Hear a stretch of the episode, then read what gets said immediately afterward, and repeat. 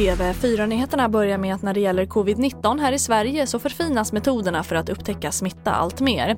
I Region Uppsala, som har landets största smittspridning just nu, sammanförs flera olika sätt att snabbt hitta lokala utbrott. Här hör vi läkare Mats Martinell. Drömscenario det är ju att vi kan skapa en bild som en karta över var någonstans det finns smittspridning på olika nivåer, olika stadier. Tror du att ni kommer kunna förutse var någonstans lokalt en smitta kommer att uppstå? Ja, det är det som är förhoppningen, att vi kommer kunna förutse upp till en vecka innan. Och reporter här var Jessica Josefsson.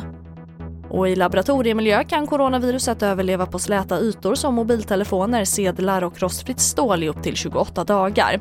Det visar enligt BBC en ny australiensisk studie. Forskarna fann att viruset smittade kortare tid ju varmare det är och att viruset är känsligt för solljus. Fortfarande anses dock kontakten mellan människor vara den huvudsakliga smittvägen. Och kvinnor över 38 år uppmanas nu att inte söka sig till fertilitetskliniken i Region Skåne från andra delar av landet. Korta väntetider där har lockat patienter från andra län men enligt Sydsvenskan är kön nu så lång så lagret av ägg och spermier har börjat sina.